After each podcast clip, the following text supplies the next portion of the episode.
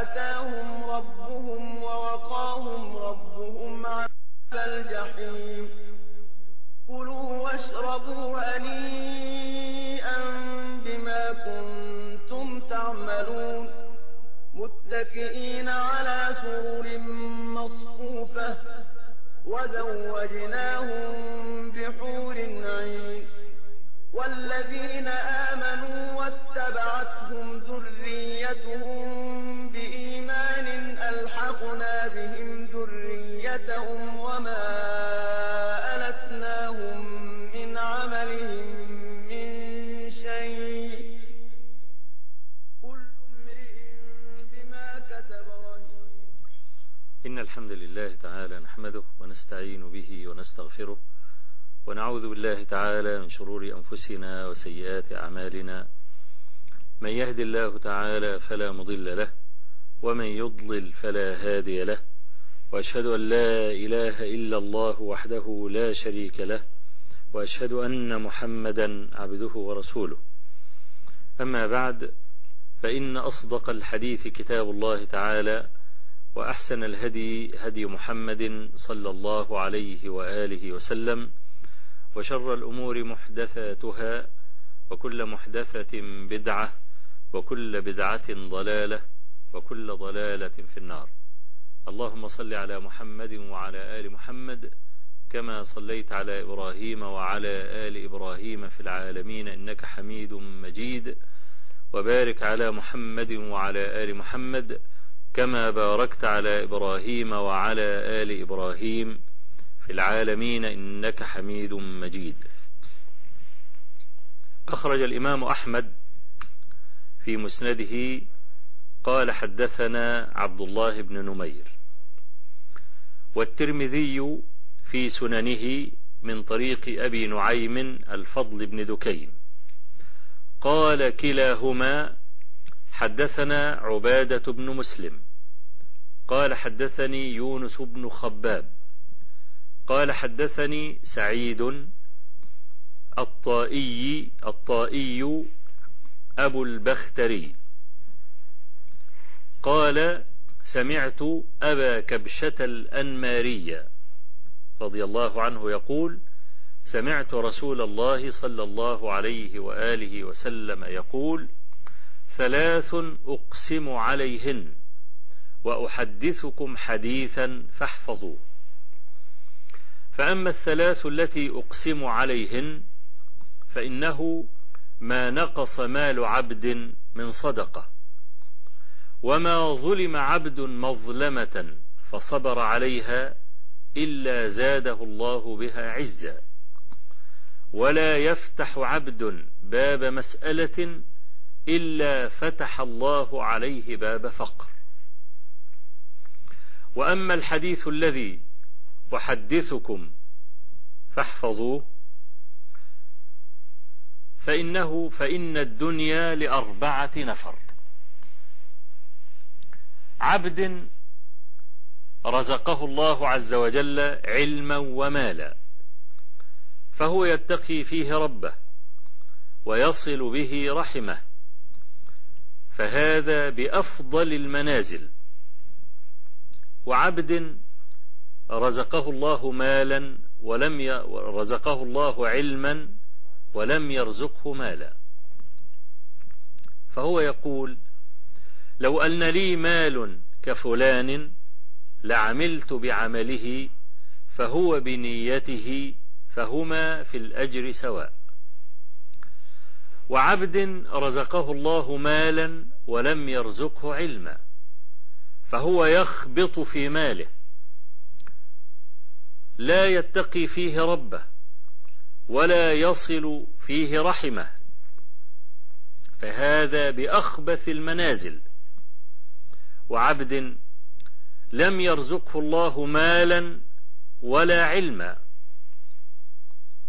فهو يقول لو أن لي كفلان لعملت بعمله فهو بنيته فهما في الوزر سواء. هذا الحديث مشتمل على معان كثيرة وهو يتألف من مقطعين. المقطع الأول أقسم عليه رسول الله صلى الله عليه وسلم ولم يقسم على المقطع الثاني. فمبدأ كلامه صلى الله عليه وسلم ثلاث أقسم عليهن. والقسم من رسول الله صلى الله عليه وسلم له شأن عظيم. فهذا يدل على أن هذه الثلاث لا يفطن أكثر العباد لمآلها ولا مغبتها. بل الظاهر الواضح أن الناس استقر عندهم عكس هذا المعنى. لذلك أقسم النبي صلى الله عليه وسلم على هذا المعنى وقل ما يقسم عليه الصلاة والسلام. كما أقسم رب العزة تبارك وتعالى فقال وفي السماء رزقكم وما توعدون. فورب السماء والأرض إنه لحق مثلما أنكم تنطقون. فأقسم الله عز وجل على أن الرزق في السماء. يتنزل في السماء. لا أحد يملك مطلقا أن يأخذ رزقك. فإن أخذ رزقك فقد قدر هذا في الأزل. في الكتاب الذي كتبه الله عز وجل قبل أن يخلق السماوات والأرض بخمسين ألف سنة. كما قال صلى الله عليه وسلم إن الله عز وجل قدر مقادير الخلائق قبل أن يخلق السماوات والأرض بخمسين ألف سنة. فإذا عوقب إنسان بقطع مرتبه أو بقطع الحافز الذي يزيد على المرتب. فهذا إنما قدر عليه قديما كما ذكرنا. فلماذا يعطي المرء الدنية في دينه؟ لماذا كلما تصادم شيء واجب من أمر الدين في مقابل رزق أو مال يضحي المرء دائما بدينه؟ فإذا كان يعمل في عمل ما وأمر أن يترك مثلا صلاة الجماعة في المسجد. وهذا يكون ديدنه دائما. يعني لم تكن مرة لها ظروف مثلا لا. إنما هذا دائم ممنوع. وقد يفرض العمل على بعض الناس أن يترك الصلاة في مواعيدها. فيضطر العامل أن يجمع الصلوات جميعا في آخر اليوم. ومع ذلك يرضى أن يفعل هذا الأمر العظيم الجليل الخطير الذي في مقابله عقوبة ونار ويصعب عليه جدا أن يترك عمله لأنه يحتاج إلى هذا يحتاج إلى المال. فالله سبحانه وتعالى يقسم على هذا. وفي السماء رزقكم وما توعدون فورب السماء والأرض إنه أي إن الرزق يكون في السماء إنه لحق مثلما أنكم تنطقون. كما لا تشكوا في أنك تتكلم لا تشك أيضا في أن رزقك لا يملكه مخلوق. فإذا منع أو قطع فهذا قدر قبل أن تخلق. فإقسام النبي صلى الله عليه وسلم على هذه المسائل الثلاثة يدل على أن أكثر الناس يعتقدون خلافها. فلذلك أقسم عليها تثبيتا لها. وتعالوا لننظر هل فعلا هذه الأمور الثلاثة. اعتقاد الناس يكون على خلافها أو أكثر الناس على خلافها أم لا؟ قال عليه الصلاة والسلام ثلاث أقسم عليهن وأحدثكم حديثا فاحفظوه. إنه ما نقص مال عبد من صدقة. مسألة الحسابات الناس إذا قلت لواحد معه مثلا مئة جنيه فتصدق بعشرين تقول له كم بقي معك؟ يقول بقي ثمانون. هذا الحساب غلط. خطأ. وهو الذي يصححه النبي صلى الله عليه وسلم في هذا الحديث. ليه؟ طيب نمشي بلغة الأرقام. لأن النقص والزيادة رقم. رجل معه مئة جنيه. تصدق بعشرين. كم بقي معه؟ لا تقل بقي ثمانون. لا لأنه زاد ما نقص. الحسنة بعشر أمثالها. ويضاعفها الله عز وجل إلى سبعمائة ضعف.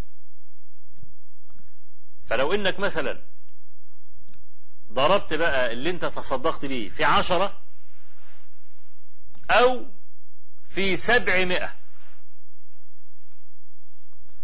فهل نقص؟ لا ما نقص.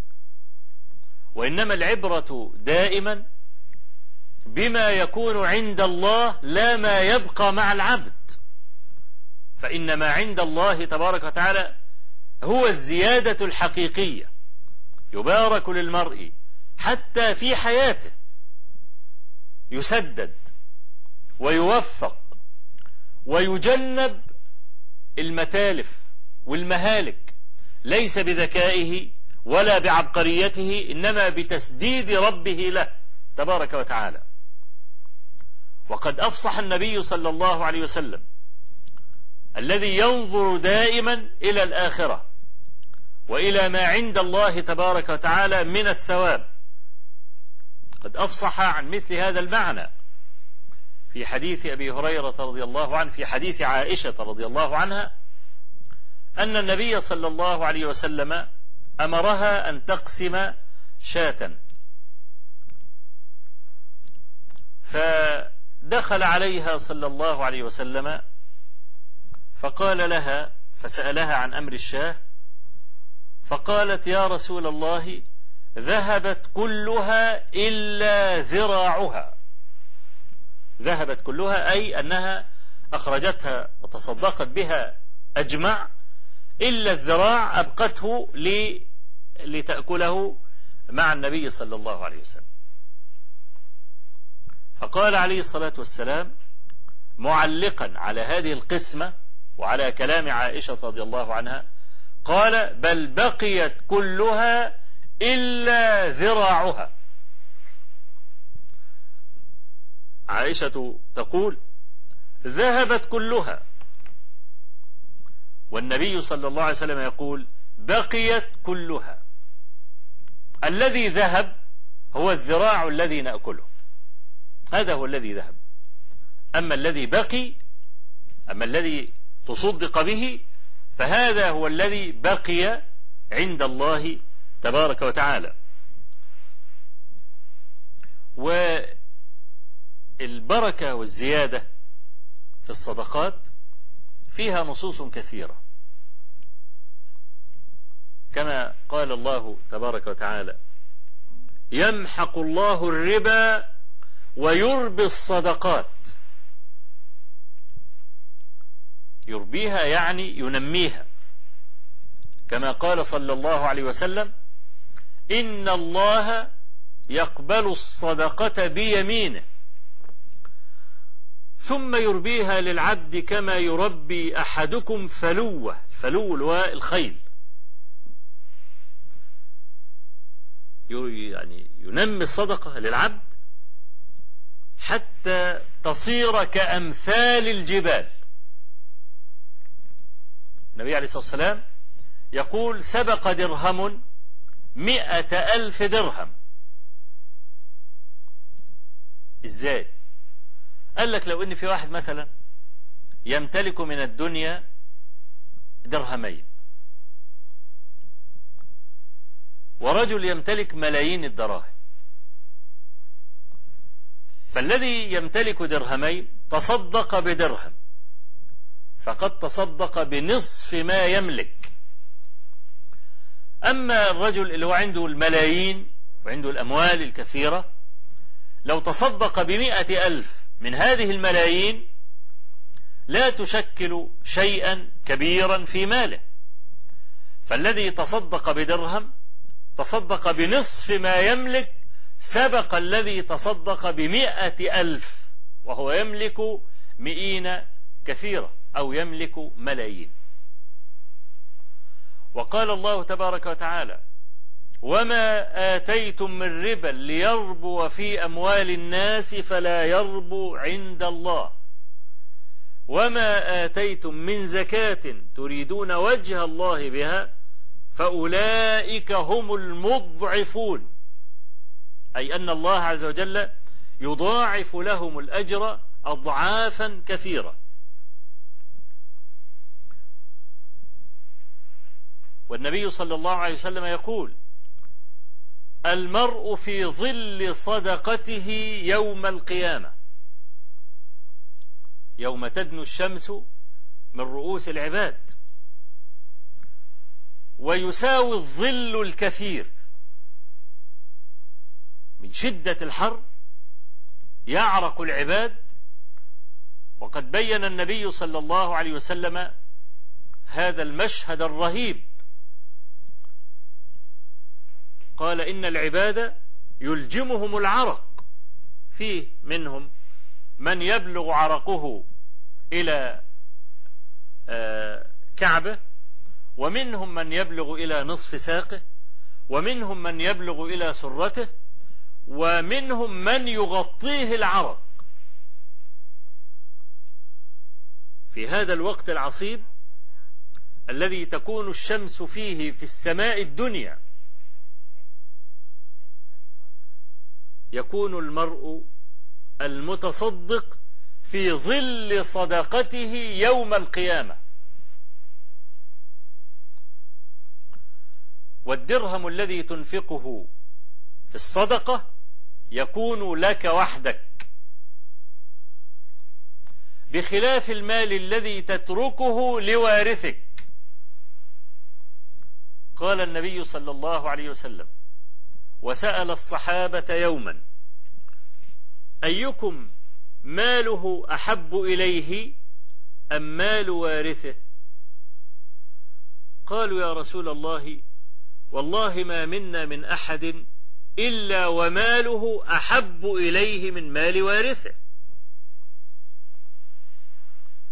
يعني لو معك مال تستمتع أنت به في الدنيا أم تدخره وتحرم نفسك وتتركه لمن يأتي بعدك؟ هو ده السؤال.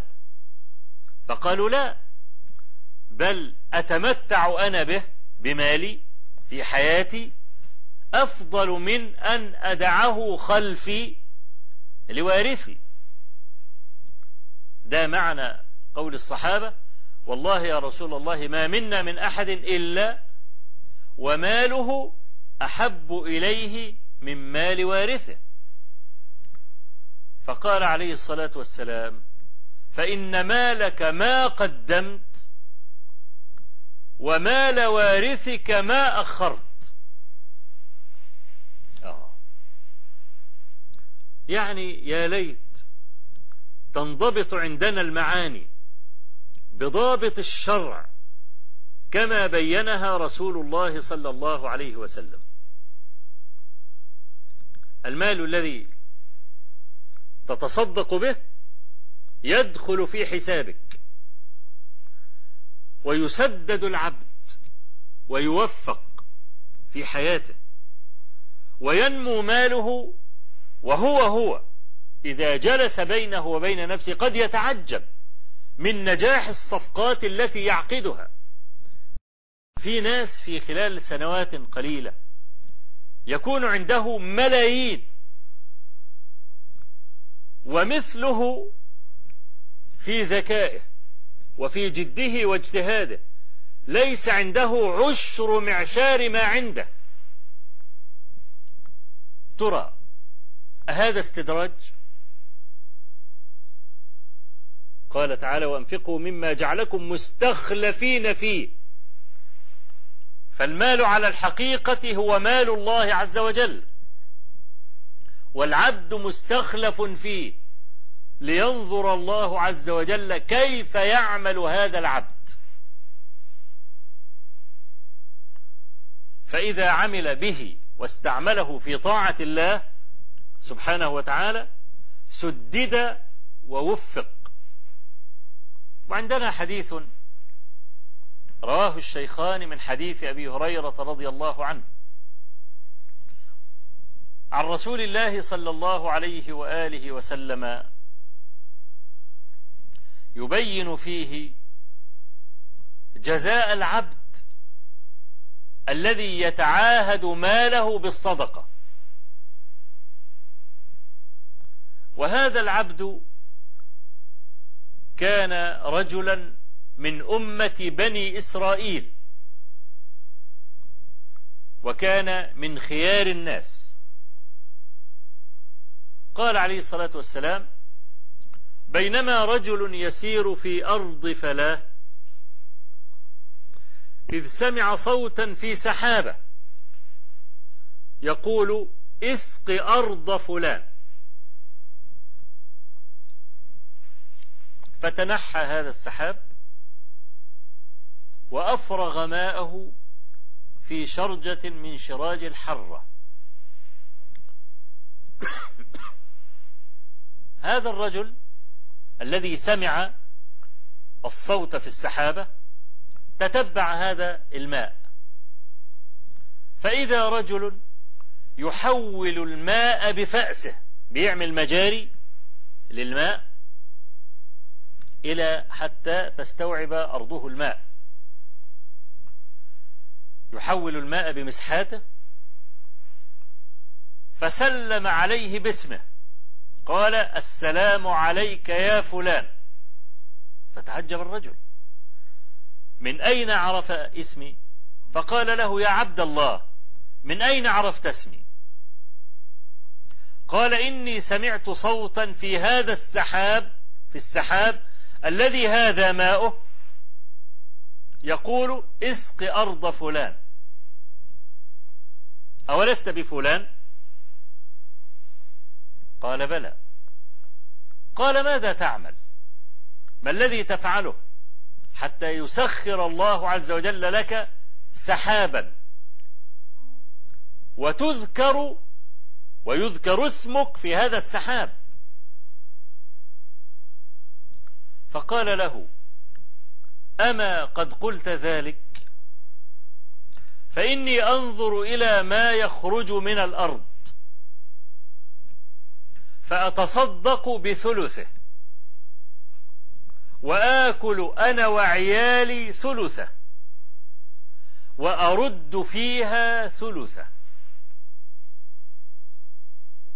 رجل مسدد موفق. رجل يذكر اسمه في سحابة.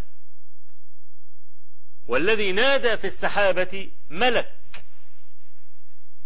ولا ينادي الملك أبدا إلا إذا كان مأذونا له من قبل ربه جل ثناؤه. يعني هذا عبد مذكور عند الله ابتداء. كما في صحيح مسلم من حديث سهيل بن أبي صالح. قال كنا في موسم الحج. ومر عمر بن عبد العزيز رضي الله عنه فوقف الناس وجعلوا يقولون عمر عمر. فقلت لأبي وأبوه أبو صالح واسمه ذكوان أحد أشهر الرواة عن أبي هريرة وهو من المكثرين عن أبي هريرة أيضا. قال سهيل فقلت لأبي يا أبي ألا تنظر إلى حب الناس عمر؟ يحبونه حتى أنه لما مر وقفوا جميعا ليطالعوا محياه. فقال يا بني إني سمعت أبا هريرة يقول قال رسول الله صلى الله عليه وآله وسلم إذا أحب الله عبدا نادى جبريل فقال يا جبريل إني أحب فلانا فأحبه فيحبه جبريل عليه السلام. ثم ينادي جبريل في أهل السماء يا أهل السماء إن الله يحب فلانا فأحبوه فيحبه أهل السماء ثم يوضع له القبول في الأرض. سبحان الله. يحبه طوب الأرض والشجر والحجر والمدر. كم وزن هذا العبد؟ المذكور عند الله عند ملك الملوك.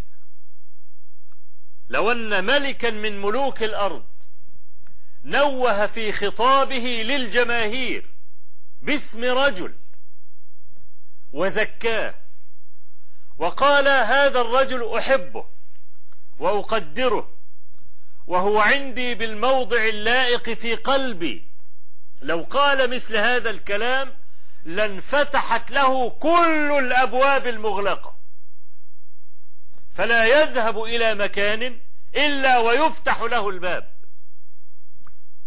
وكل الامتيازات التي يحظى بها العباد تكون تحت قدميه.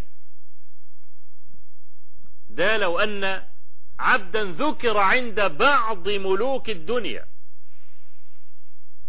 لكن هذا عبد مذكور عند ملك الملوك. رب العالمين. تبارك وتعالى. فهو الذي أمر الملك أن يقول للسحابة اسق أرض فلان. ويذكرني هذا بسعد بن معاذ. ذاك السيد الذي اهتز له عرش الرحمن يوم مات. وهذه منقبة لا يعبر عنها بقلم ولا بلسان.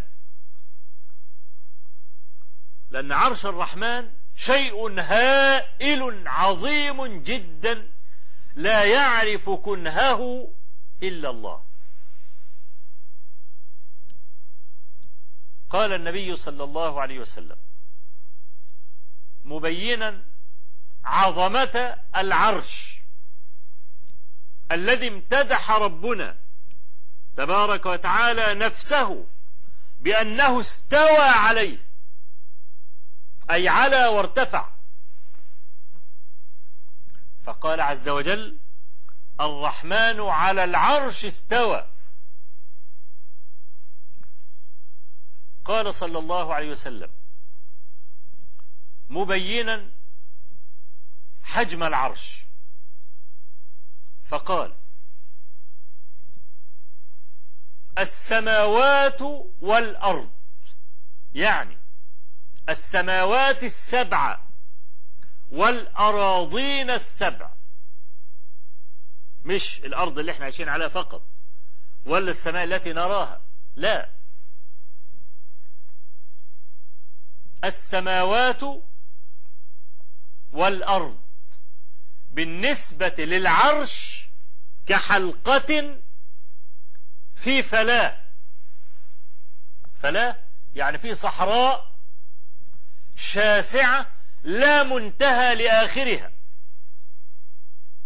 السماوات السبع والأرضون السبع كحلقة بالنسبة للكرسي كحلقة في فلاة. هذا العرش العظيم اهتز لموت سعد ابن معاذ. فكم يكون حجمه وقدره ومنزلته؟ لا يعرف أقدار الخلق إلا خالقه. رب أشعث أغبر ذي طمرين مدفوع بالأبواب. لو أقسم على الله لأبره. أشعث شعره منكوش أغبر وجهه عليه غبرة. ذي طمرين هدومه مقطعة مزيتة متسخة. مدفوع بالأبواب تفتح الباب تلاقيه تقفل الباب في وشه. هذا العبد الذي ازدريته وسقط من عينك لو أقسم على الله لأبره.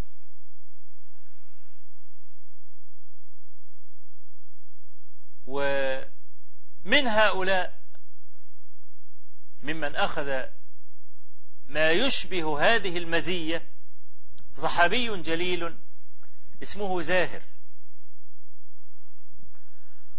ولم يكن جميلا. وكان زاهر يأتي من البادية يتحف النبي صلى الله عليه وسلم ببعض ما يكون في البادية. فرآه النبي صلى الله عليه وسلم يوما في السوق فجاء من خلفه وغماه غماله عينيه ونادى النبي صلى الله عليه وسلم يمازح زاهرا. قال من يشتري هذا العبد؟ فلما علم زاهر أن الذي فعل به هذا هو النبي عليه الصلاة والسلام جعل لا يألو يلصق ظهره ببطن النبي صلى الله عليه وسلم. فقال زاهر يا رسول الله إذا لتجدني كاسدا. يعني أنت لو بعتني هتبيعني بالخسارة. إذا لتجدني كاسدا. قال له لا ولكنك عند الله ربيح. أي لك شأن ولك وزن. فهذا العبد الذي يذكر اسمه في السحاب عبد له وزن وقيمة عند الله. تنحى السحاب نزل المطر استوعبت أرضه كل هذا الماء. الرجل الذي سمع هذا الصوت في السحابة ذهب إلى الرجل وسلم عليه باسمه وسأله ما هو الشيء الذي يفعله حتى ينال هذه الكرامة؟ قال له أما قد قلت ذلك؟ طالما المسألة كشفت واتعرفت وهذا يدل على أنه كان يكتم أمره. لا يعلم هذا يعني لا يعلم ما يفعل أحد من الناس. عشان كده قال له إيه؟ أما قد قلت ذلك؟ طالما العملية كشفت يعني فإني أنظر ما يخرج من الأرض. فأتصدق بثلثه. ده الشاهد. وما آتيتم من زكاة تريدون وجه الله بها فأولئك هم المضعفون. تريدون وجه الله فأولئك هم المضعفون. والله عز وجل يقول يمحق الله الربا ويربي الصدقات. والله عز وجل يقول لا خير في كثير من نجواهم إلا من أمر بصدقة أو معروف أو إصلاح بين الناس. ومن يفعل ذلك ابتغاء مرضات الله فسوف نؤتيه أجرا عظيما. العبد المفلح هو الذي إذا عمل دراسة جدوى ينظر إليها بمنظور الآخرة لا بمنظور الأرقام. فإن اجتثاث المال من أيسر ما يكون. سنيخسر؟ دي مسألة من أيسر ما يكون كالنفس. يسلط عليه ظالم غشوم. ياخد مال. أو لص ظلوم. ياخد ماله أو يتاجر في الخسارة يعني في انهيار البورصة. في بعض البلاد الإسلامية. ناس غرهم. المكسب السريع. معاه مثلا خمسين ألف. اقترض من البنوك تلتمائة ألف. عشان يبقوا تلتمائة وخمسين ألف يبقى هو بياخد المال السريع يسدد بيه البنك ويفضل له رأس المال. اللي زي ده كانوا بالألوف. عملوا نفس القصة دي. انهارت البورصة انهيارا كاملا. وضاعت الأموال كلها. في ناس باعوا بيوتاتهم وباعوا ما كانوا يدخرونه لوقت الحاجة. وفي ناس على الرصيف. أهو يمحق الله الربا لا يبقيه. في الوقت الذي يربي الصدقات فيه. أي ينميها للعبد؟ ممكن الله عز وجل لو في يعني توفيق سبق للعبد من الله يبصره يهديه. ممكن يسحب أمواله لأي حاجة من الحاجات. وينجو بذلك. زي ما في واحد ممكن ياخد أمواله من البنوك علشان يتلف بذلك. كما قال النبي صلى الله عليه وسلم إذا جعل الله عز وجل منية عبد بأرض جعل له إليها حاجة. هيموت في بلد من البلدان في بلاد واقي الواق. خلاص بيستعد وطلع جواز السفر وكم. يا عم اقعد. يقول لك لا ده بلاد واقي الواق بيقولوا إن فيها فلوس والدنيا كويسة والكلام. يا ابني ما أنت مستريح أهو وأنت كويس. يقول لك لابد أن أخرج. يا ابني اقعد يا ابني. لا لازم أخرج. يخرج ليموت. ما خرج إلا ليموت. أدي معنى الحديث. إذا جعل الله عز وجل منية عبد بأرض جعل له إليها حاجة. خرج على قدمين ورجع في صندوق خشبي. آه. ما يدري المرء ما يكتب له من أمنيته. فالعبد إذا كان موفقا يسدد يوفق يلهم. فيحمد الله عز وجل أن أنجاه. ولو مثلا يقول لنفسه لو أنا بقيت يوما واحدا لخسرت كل مالي. فيعيش في مقام الشكر. أن الله أنجاه إذ أهلك غيره.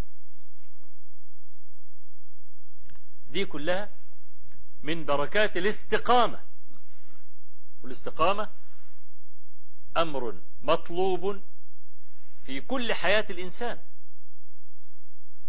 يبقى إياك أن تغتر بما عندك من المال أبدا. لا تغتر. لأن هذا المال يمكن أن يجتث. ولا تعرف سببا ظاهرا لضياعه. فيموت المرء كمدا. لكن وأنت دايما بتحسب في دراسة الجدوى دايما انظر بمنظور الآخرة وليس بمنظور الأرقام فقط. أنا بقول فقط ليه؟ علشان ما يجيش واحد يستدرك ويقول طيب ما لابد إن أنا أراعي الأرقام. ماشي الحال. راعي الأرقام. لكن انظر بمنظور الآخرة. ثم عليك أن تتحرى أوجه الصدقة. وهذا أمر سوف نتكلم عليه إن شاء الله تبارك وتعالى عندما نأتي على ذكر أصناف الناس الأربعة.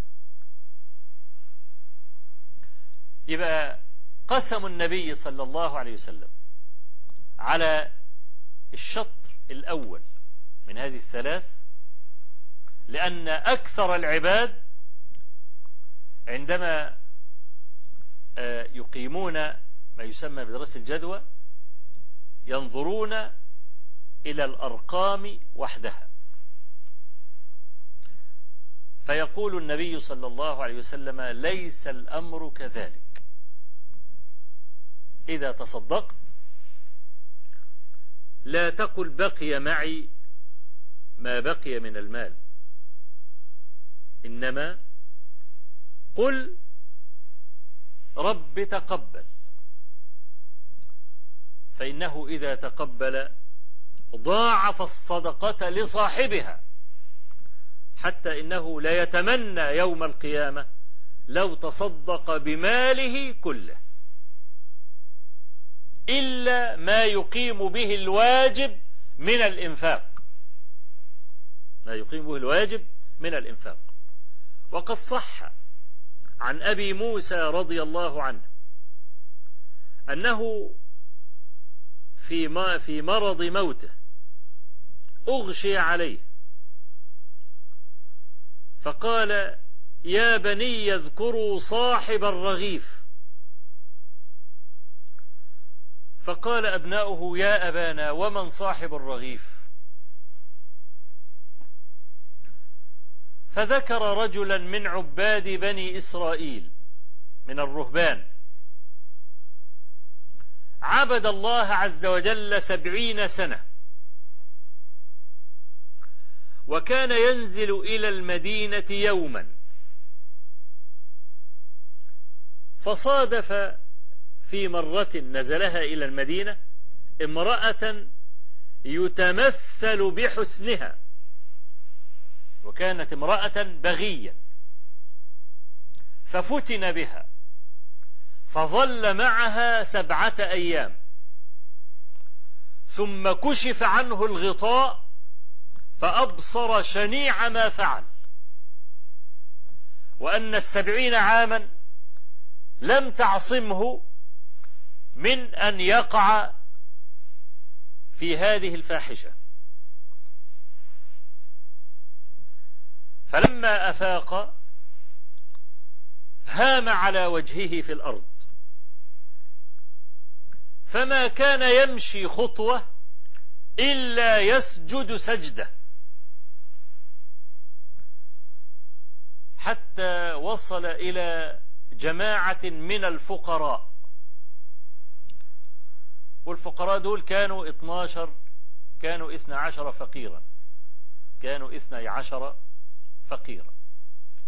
وكان في راهب من الرهبان بيرسل إلى هذه هؤلاء الفقراء اثني عشر رغيفا في اليوم. كل واحد له رغيف.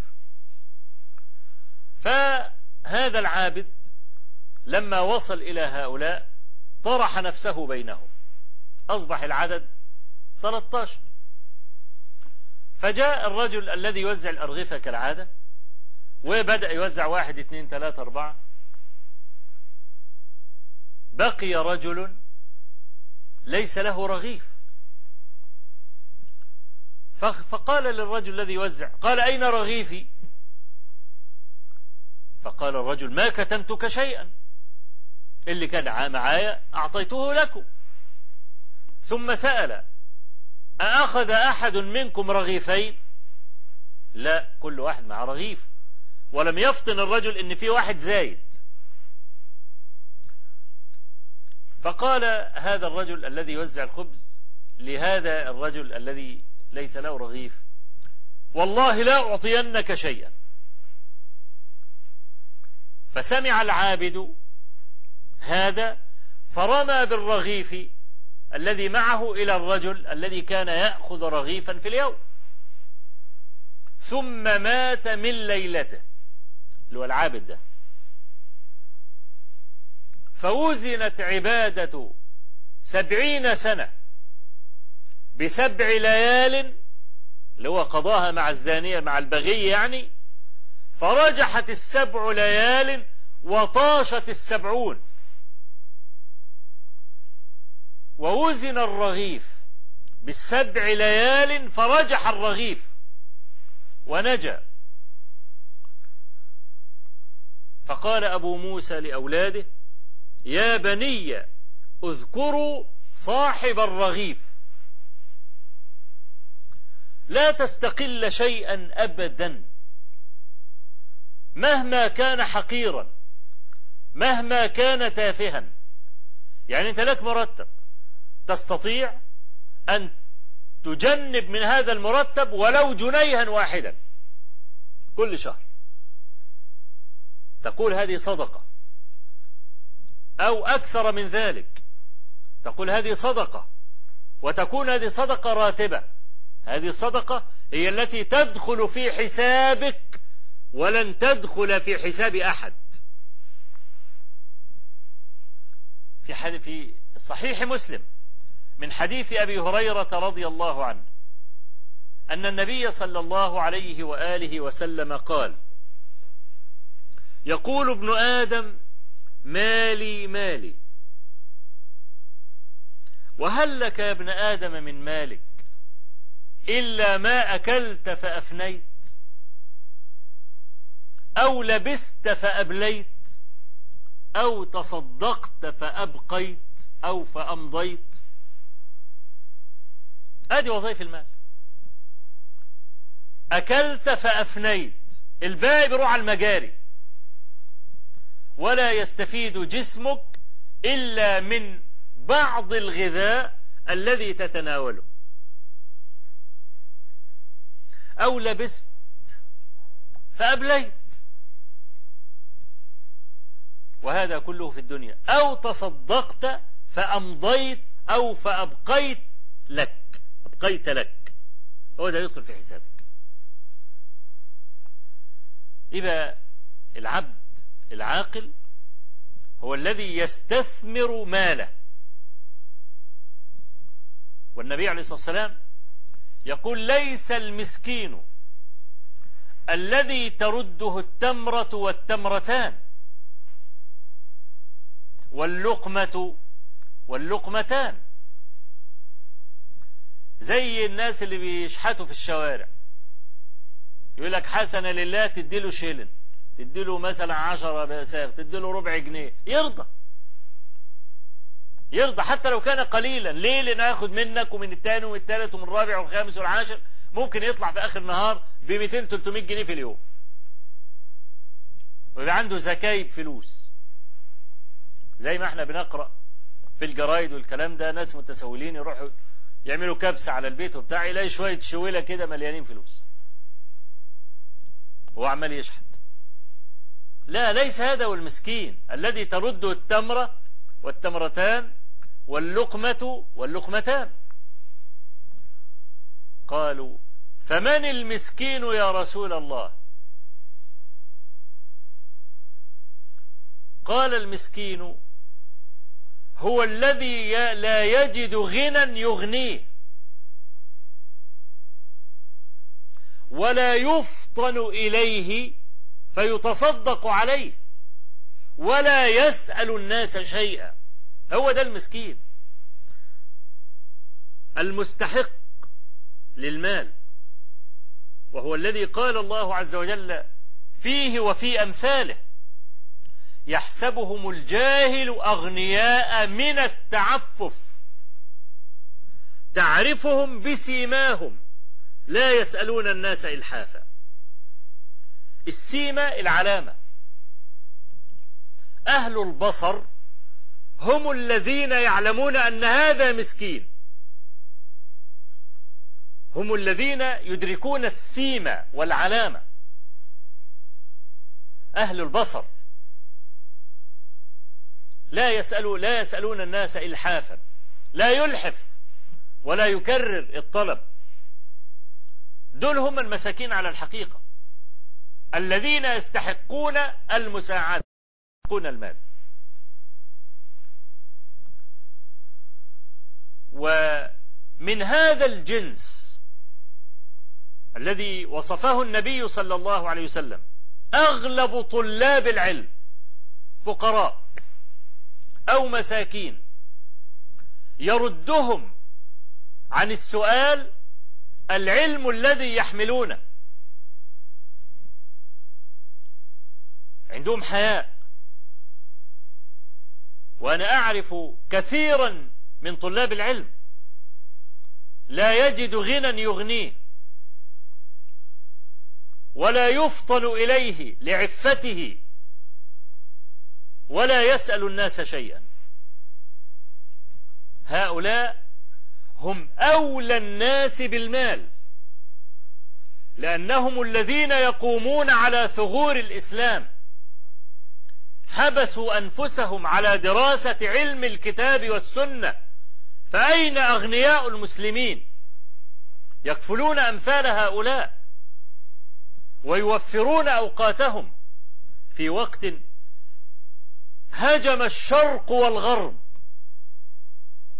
الشرق فيه ملاحدة متخصصون في الهجوم على أصول الإسلام وفروعه.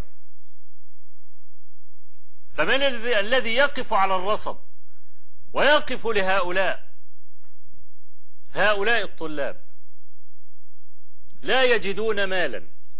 فقراء لا يستطيعون شراء الكتب. ولا يستطيعون الإنفاق على أهليهم وذويهم.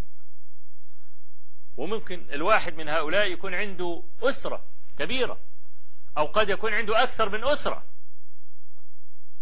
يبقى مشغول. من نص الشهر ولا من يوم عشرة في الشهر يبتدي يفكر بقى المال سينفد اللي هو معاه القليل.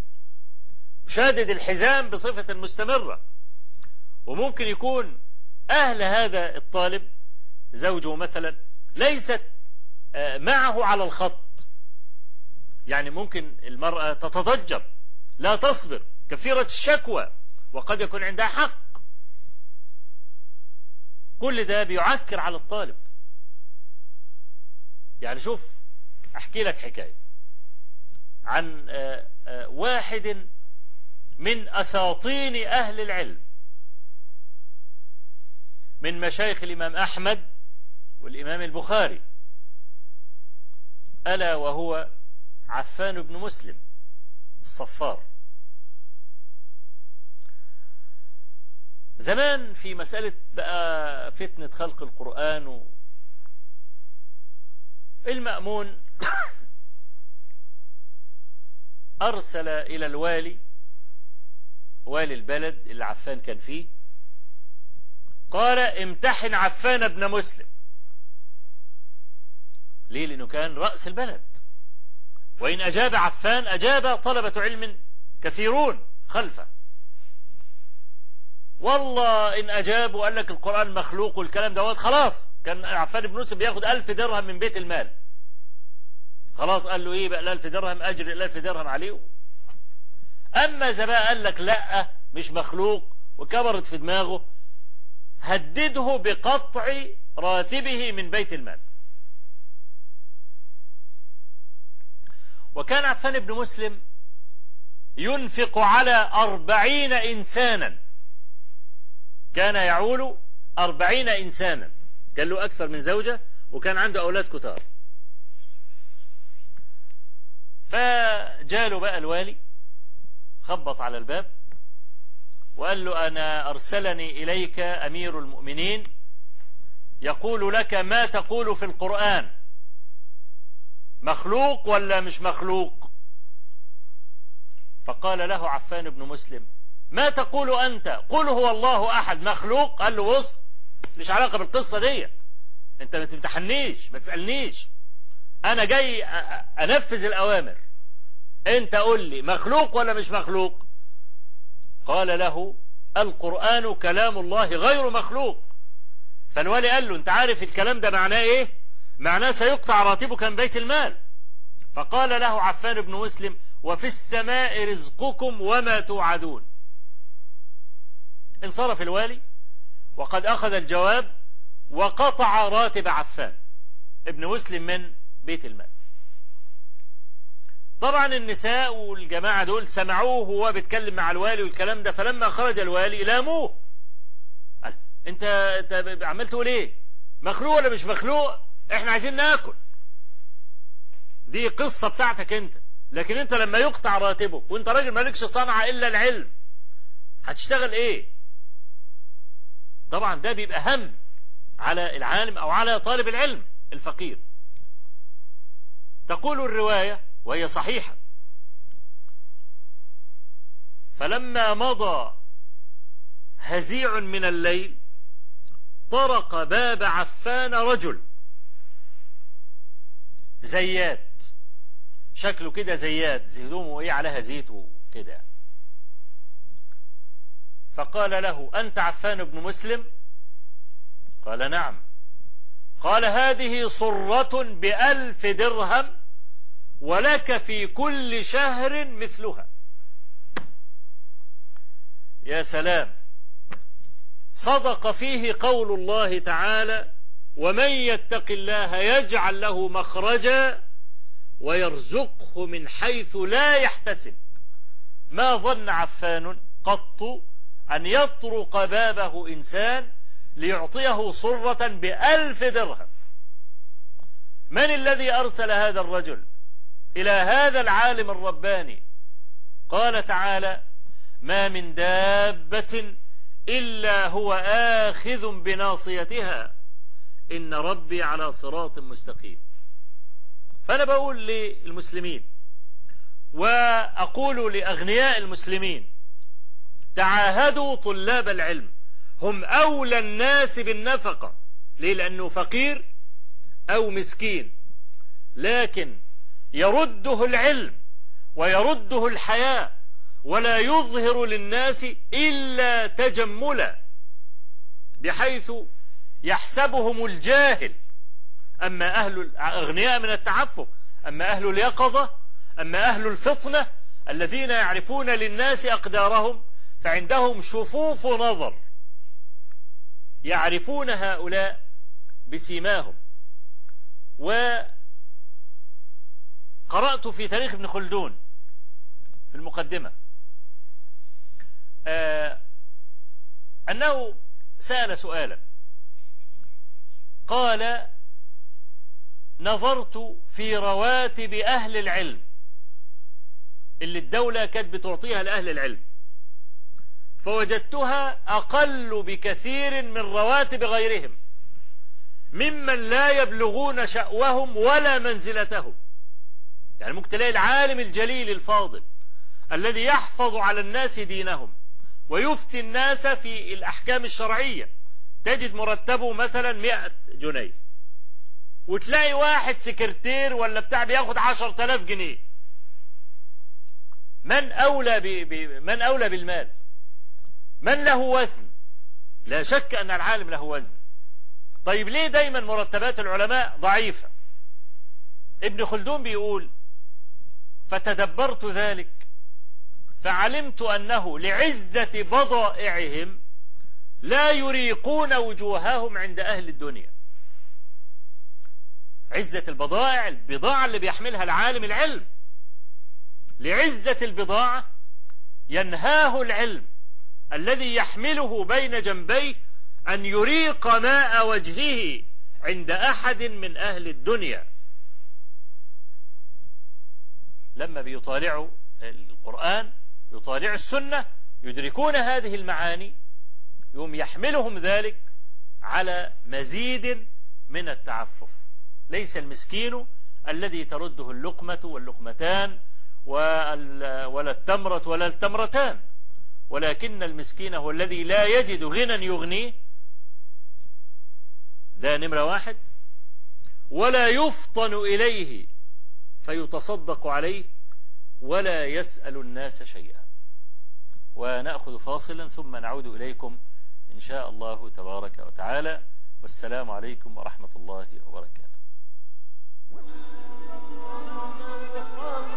قناة الحكمة الفضائية. وإن تطيعوه تهتدوا. إن تطيعوه تهتدوا. الحمد لله رب العالمين والصلاة والسلام على نبينا سيد المرسلين وعلى آله وأصحابه أجمعين. فنعود إلى الحديث عود على بدء وكنا نتحدث عن قوله صلى الله عليه وآله وسلم ثلاث أقسم عليهن وأحدثكم حديثا فاحفظوه. ما نقص مال عبد من صدقة. ولا ظلم عبد مظلمة فصبر عليها إلا زاده الله بها عزا والحقيقة هذا المقطع يحتاج منا إلى وقفة. لا أستطيع أن أستوعبها في هذه المرة. حتى أتلقى بعض الاتصالات من إخواننا. لكنني سأبدأ الكلام بأن أبين لماذا أقسم النبي صلى الله عليه وسلم على هذه. قلت قبل ذلك لأن أكثر الناس يخطئ في فهم ذلك. فقال له النبي صلى الله عليه وسلم لا. ليس الأمر كما تنظر إليه. طيب إيه اللي الناس بيعملوه من الغلط؟ الناس إذا ظلم الواحد يريد أن يرد المظلمة بمظلمة. وبيعتقد أن هو إذا لم يوقف هذا الظالم عند حده سيزيد في ظلمه. يقول لك لا أنا لازم أعرفه إن أنا برضه راجل قوي ولأنه لئيم ممكن يتعدى عليا أو يتصور إن أنا ضعيف فأنا لابد أثبت له إن أنا قوي وأقدر أرد عليه. قد يكون هذا مع بعض الناس لكن لا يكون قانونا. آه إذا كنت من أهل البصر ومن أهل اليقظة وكان الظالم لئيما وأنت تعلم أنه لئيم ففعلت معه مثلما قال الله عز وجل وجزاء سيئة سيئة مثلها. تقوم ترد عليه لأن هو ده اللي يصلح معاه. ممكن لكن لا يكون قانونا. ليس كل الناس على وزان واحد. أقول لك حتى اللئيم لو استعملت معه الأخلاق الفاضلة كف لؤمه عنك. حتى اللئيم. على الأقل ستتقي شره اتقاء جزئيا أو لحظيا لكن لابد أن يكف اللئيم عنك على جزئيا أو لحظيا. ويبقى لكل حادث حديث ولكل مقام مقال. برضه في الحياة الزوجية تجد الرجل مثلا عنيفا مع المرأة.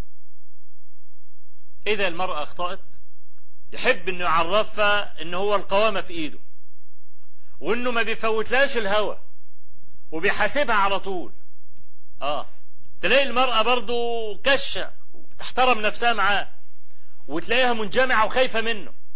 يوم الرجل تكبر في دماغه ويتصور ولا فعلا أشوف ما تجيش إلا بالعين الحمر لكن هو لو تبسط معها والكلام ده يقول لك لا دي بقى تركبني بقى ومش عارف تهز رجليها والكلام اللي اللي اللي العوام بيقولوه. هو أنت لما تدخل البيت اللي واقف يقعد واللي مضطجع يقعد واللي بيتكلم يسكت هي دي بقى الحزم وال لا. الحزب غير كده خالص. إذا أردت أن تسترق قلب إنسان فعليك بالإحسان. احفظها كده. سبيك الذهب. من أراد استرقاق قلب إنسان فعليه بالإحسان.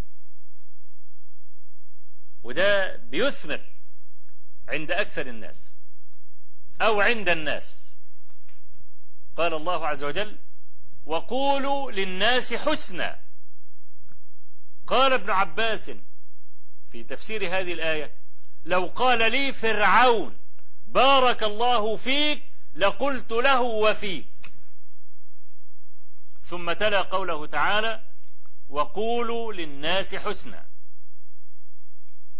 وعندنا الحديث الممتع الطويل حديث صلح الحديبية الذي رواه الزهري عن المسور ابن مخرمة وعن مروان بن الحكم.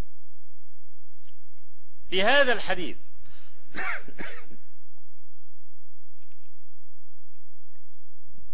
قال عروة بن مسعود الثقفي لقريش وكانت قد أرسلت بديل بن ورقاء أبلم عروة بن مسعود الثقفي ليفاوض النبي صلى الله عليه وسلم.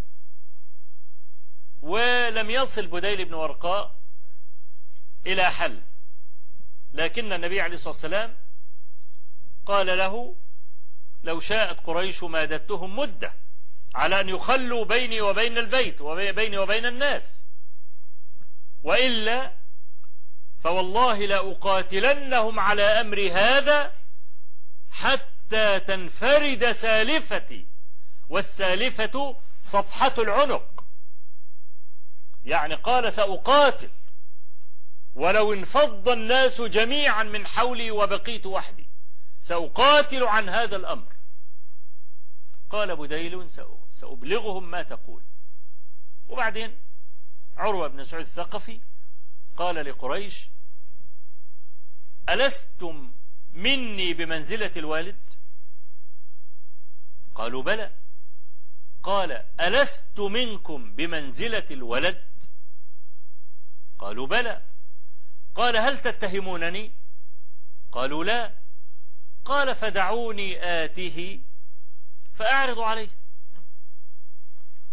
فأرسلته قريش إلى النبي صلى الله عليه وسلم. جاء عروة ابن مسعود الثقفي وقال للنبي صلى الله عليه وسلم إنها واحدة من ثنتين. إما إنك أنت هتحارب فهل سمعت قوما اجتاح قومه قبلك؟ يعني افترض إن أنت غلبت قريش واستبحت بيضته هل سمعت بأحد قبلك اجتاح قومه؟ يعني كأنه بيقول له عار عليك. إنك أنت تعمل حاجة زي كده. وإن كانت الأخرى فوالله ما أرى حولك إلا أوباشا خليقا أن يفروا ودعوك فقال له أبو بكر أنحن نفر وندع أمصص بظر اللات. انزعج عروة من هذا السب الصريح المقذع لآلهتهم. فقال للنبي صلى الله عليه وسلم من هذا الذي سب آلهتنا؟ فتبسم النبي صلى الله عليه وسلم وقال إنه ابن أبي قحافة يعني أبا بكر. فقال عروة وهذا الشاهد من الكلام قال عروة لولا أن لك علي يدا لأجبتك لولا أن لك جميلا عندي طوقت به عنقي قبل ذلك. لأرددت عليك. لكن جميلك منعني كبلني. ليس هناك حمل أثقل من البر. من برك فقد أوثقك ومن جفاك فقد أطلقك. شوف الكلام؟ جفاك بينك وبينه عداوة أطلقك تعمل فيه أي حاجة. تهينه تضربه تسجنه ملوش حشمة ملوش احترام. ليه؟ كل حواجز الاحترام اتكسرت. من برك فقد أوثقك. كل ما يعمل فيك حاجة تقول آه لولا أنه عمل معايا كذا كنت رديت عليه. ولا يفعل هذا إلا أهل الفضل. إنما اللي قام تقعد تبر فيه وتعمل فيه والكلام ده ويعضك برضه. ليس هناك حمل أثقل من البر. ومن كلام علي بن أبي طالب الجميل يقول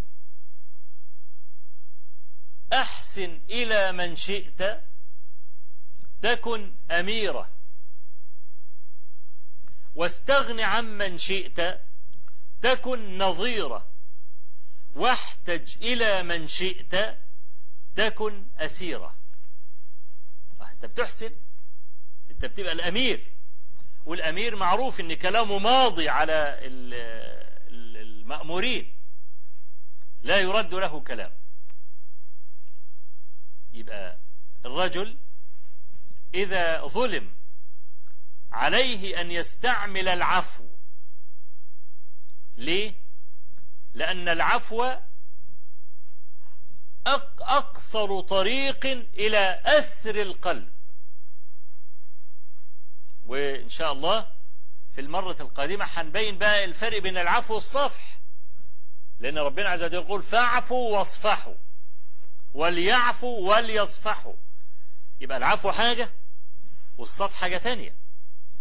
في في في واحد منهم أعلى من الثاني طبعا الصفحة أعلى. الصفح أعلى. ولذلك جاء, جاء متأخر. يعني الصفح بيبقى عفو عن الذنب ثم مزيد إحسان. وبهذا أمر أبو بكر في أمر مصطح كما إن شاء الله سنذكره بإذن الله تبارك وتعالى فيما يأتي من الأيام. إن جمعني الله تبارك وتعالى بكم مرة أخرى. ويعني نترك الوقت الباقي آه لي يعني استفسارات إخواننا. يعني في جاهز؟ طيب يلا. ماشي يلا. يلا. السلام عليكم ورحمة الله. السلام عليكم. السلام عليكم ورحمة الله وبركاته. وعليكم السلام ورحمة الله وبركاته. بارك الله فيكم يا شيخ. الله يكرمك وفيك بارك جزاكم الله خيرا. الله يحفظك. تفضل. والله يعني ما أظن أسعد أسعد مني على وجه الأرض الآن وأنا أكلمك يا شيخ. الله يحفظك جزاك الله خيرا. بارك الله فيك. يا شيخ أنا أحد طلبة العلم. نعم. ونفتخر بالانتساب بالانتساب لفضيلتكم يا شيخ. الله يحفظك. أنت من أي البلاد؟ من من سوريا. سوريا؟ نعم. الله يبارك فيكم يا شيخ. الله يحفظك حبيبي. بارك الله فيك. نحبك في الله. أحبك الله. جزاك الله أسألك. الله عز وجل آمين يا رب. أن تدعو لي بالبركة يا شيخ. أسأل الله أن يبارك لك. والعلم. آمين يا رب. آمين. والله طاشت الكلمات مني لا أعرف كيف أكلمك يا شيخ. يبقى أكتب بقى السؤال. نعم بارك الله فيك. غيره؟ نعم. السلام عليكم ورحمة الله. السلام عليكم. السلام عليكم. وعليكم السلام ورحمة الله وبركاته. السلام عليكم. وعليكم السلام ورحمة الله وبركاته. نعم. الشيخ أبو إسحاق؟ أي نعم اتفضلي. آه، ممكن حضرتك عندي سؤال لو سمحت. نعم. إيه اتفضلي قولي. آه، والدي أعطاني آه، وطي بس آه، التلفزيون عندك لو سمحت. آه، مش متشطب يعني. يعني على التشطيب. يعني حق يعني منه يعني. آه، فالمهم إيه زوجي شطبه. وبيطلب مني ان اكتب له اكتب له جزء من البيت ده. وهو طبعا البيت إيه ده ملكك؟ البيت ده ملكك؟ مش ها؟ بيطلب مني اكتب له أكتب يا له أختي لو لو سمحت. بس وطي التلفزيون عندك واسمعيني. بيطلب مني اكتب له اصل أنا البيت ده ملكك؟ نعم. البيت ده ملكك؟ ملكي أنا آه بس هو طبعا إيه كان ساكن في الأول. كان ماشي. ساكن في الأول. آه. الوقت طبعا هو ما بيدفعش إيجار. والتشطيب مهما كان مش هيجي جزء من البيت. آه. وهو عايز يعني هو ده إيه السؤال إن شاء الله يعني. هو عايز ده إيه؟ يحق له ولا ما يحقش؟ هو عايز إيه؟ هو عايز يكتب جزء من البيت ده. يك جزء من البيت باسمه يعني؟ آه يبقى ملكه هو. هو أنتوا بينكم مشاكل؟ ما هو دوت يعني التشطيب اللي هو عمله ما يجيش حاجة في البيت. لا أنتوا بينكم مشاكل؟ لا. طيب إيه المانع إيه طبعا هو عمل آه، عمل مشاكل على الموضوع ده. طيب ماشي. مم. طيب حاضر ماشي. آه، السؤال الثاني لو سمحت. مم. زيارة القبور لو سمحت. آه لل- للنساء؟ للنساء. طيب. اللي اللي هي غير دائمة يعني.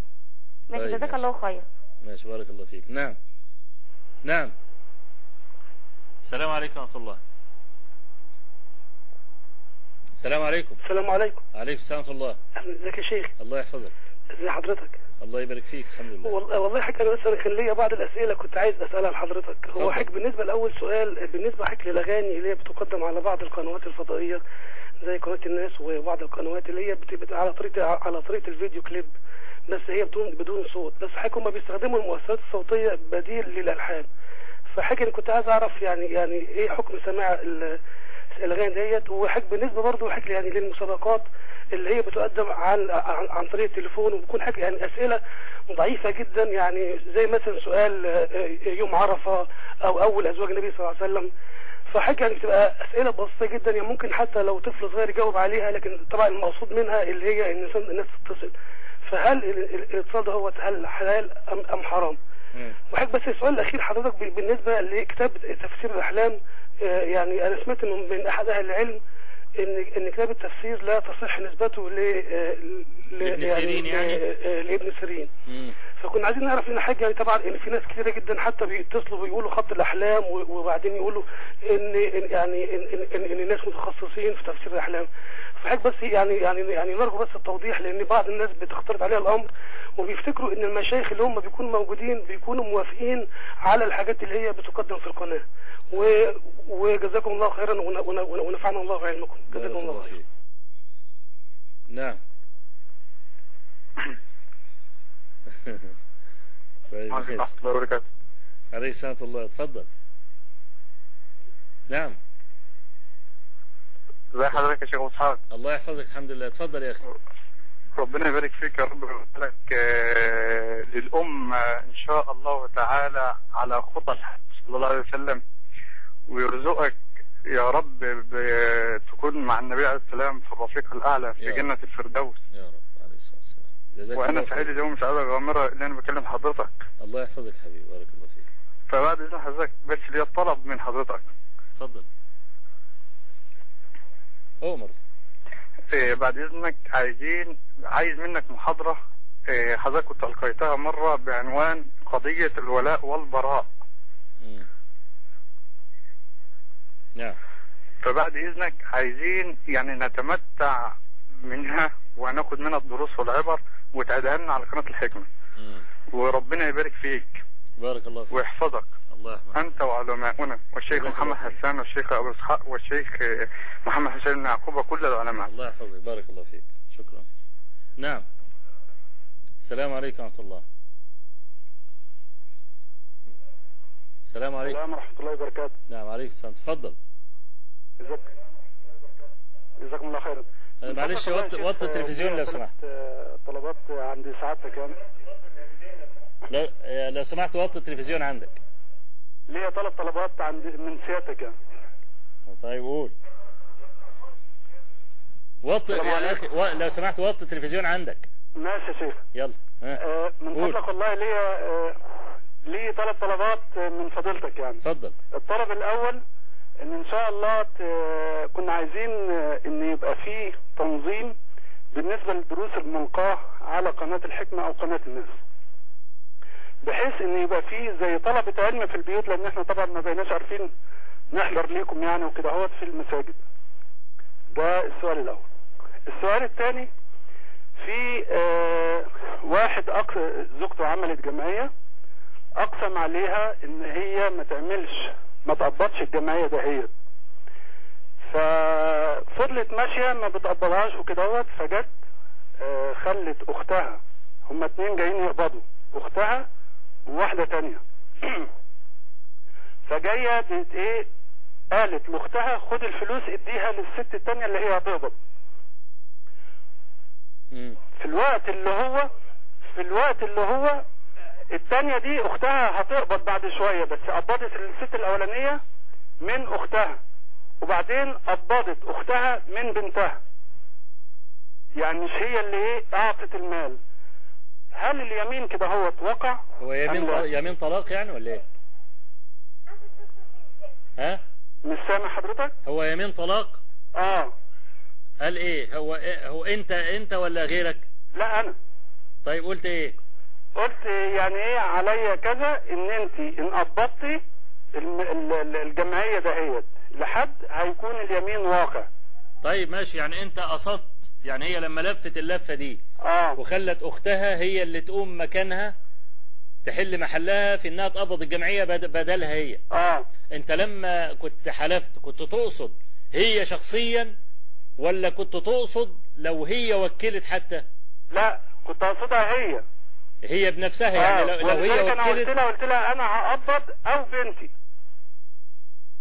يعني أنت قلت يا أنت تقبض يا بنتك؟ آه. هي اللي تقبض لكن مراتك لا. لكن مراتي لا. فمراتك ادت لأختها الجمعية أيوه. عشان هي اللي تقبضها أيوه. وده ما كانش داخل في نياتك لا واطلاقا ما ولا كانش داخل في النية لا. خلاص ماشي ماشي. مم. طيب.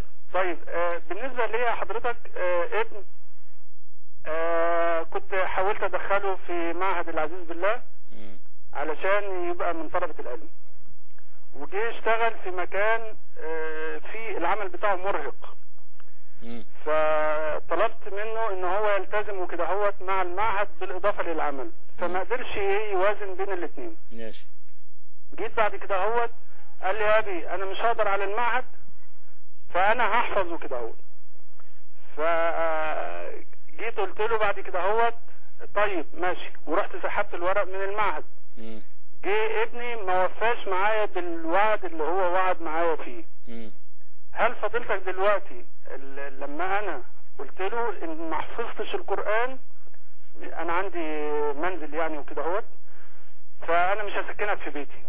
فهل ده يجوز ولا لا يجوز؟ جزاكم الله خير. الله يهديك. طيب ماشي. طيب غيره مم. نعم. السلام عليكم. وعليكم السلام ورحمة الله. ازي حضرتك يا شيخ أبو إسحاق. الله يحفظك.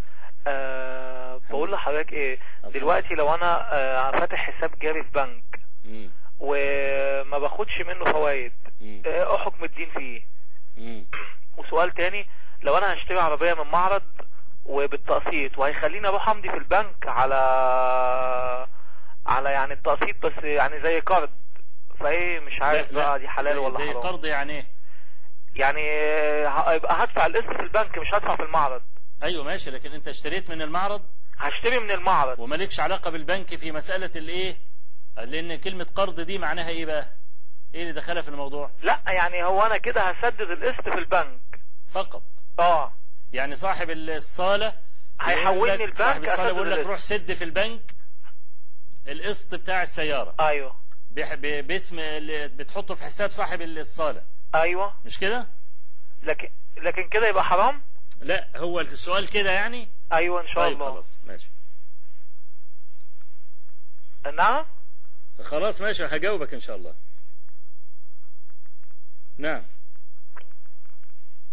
السلام عليكم ورحمة الله.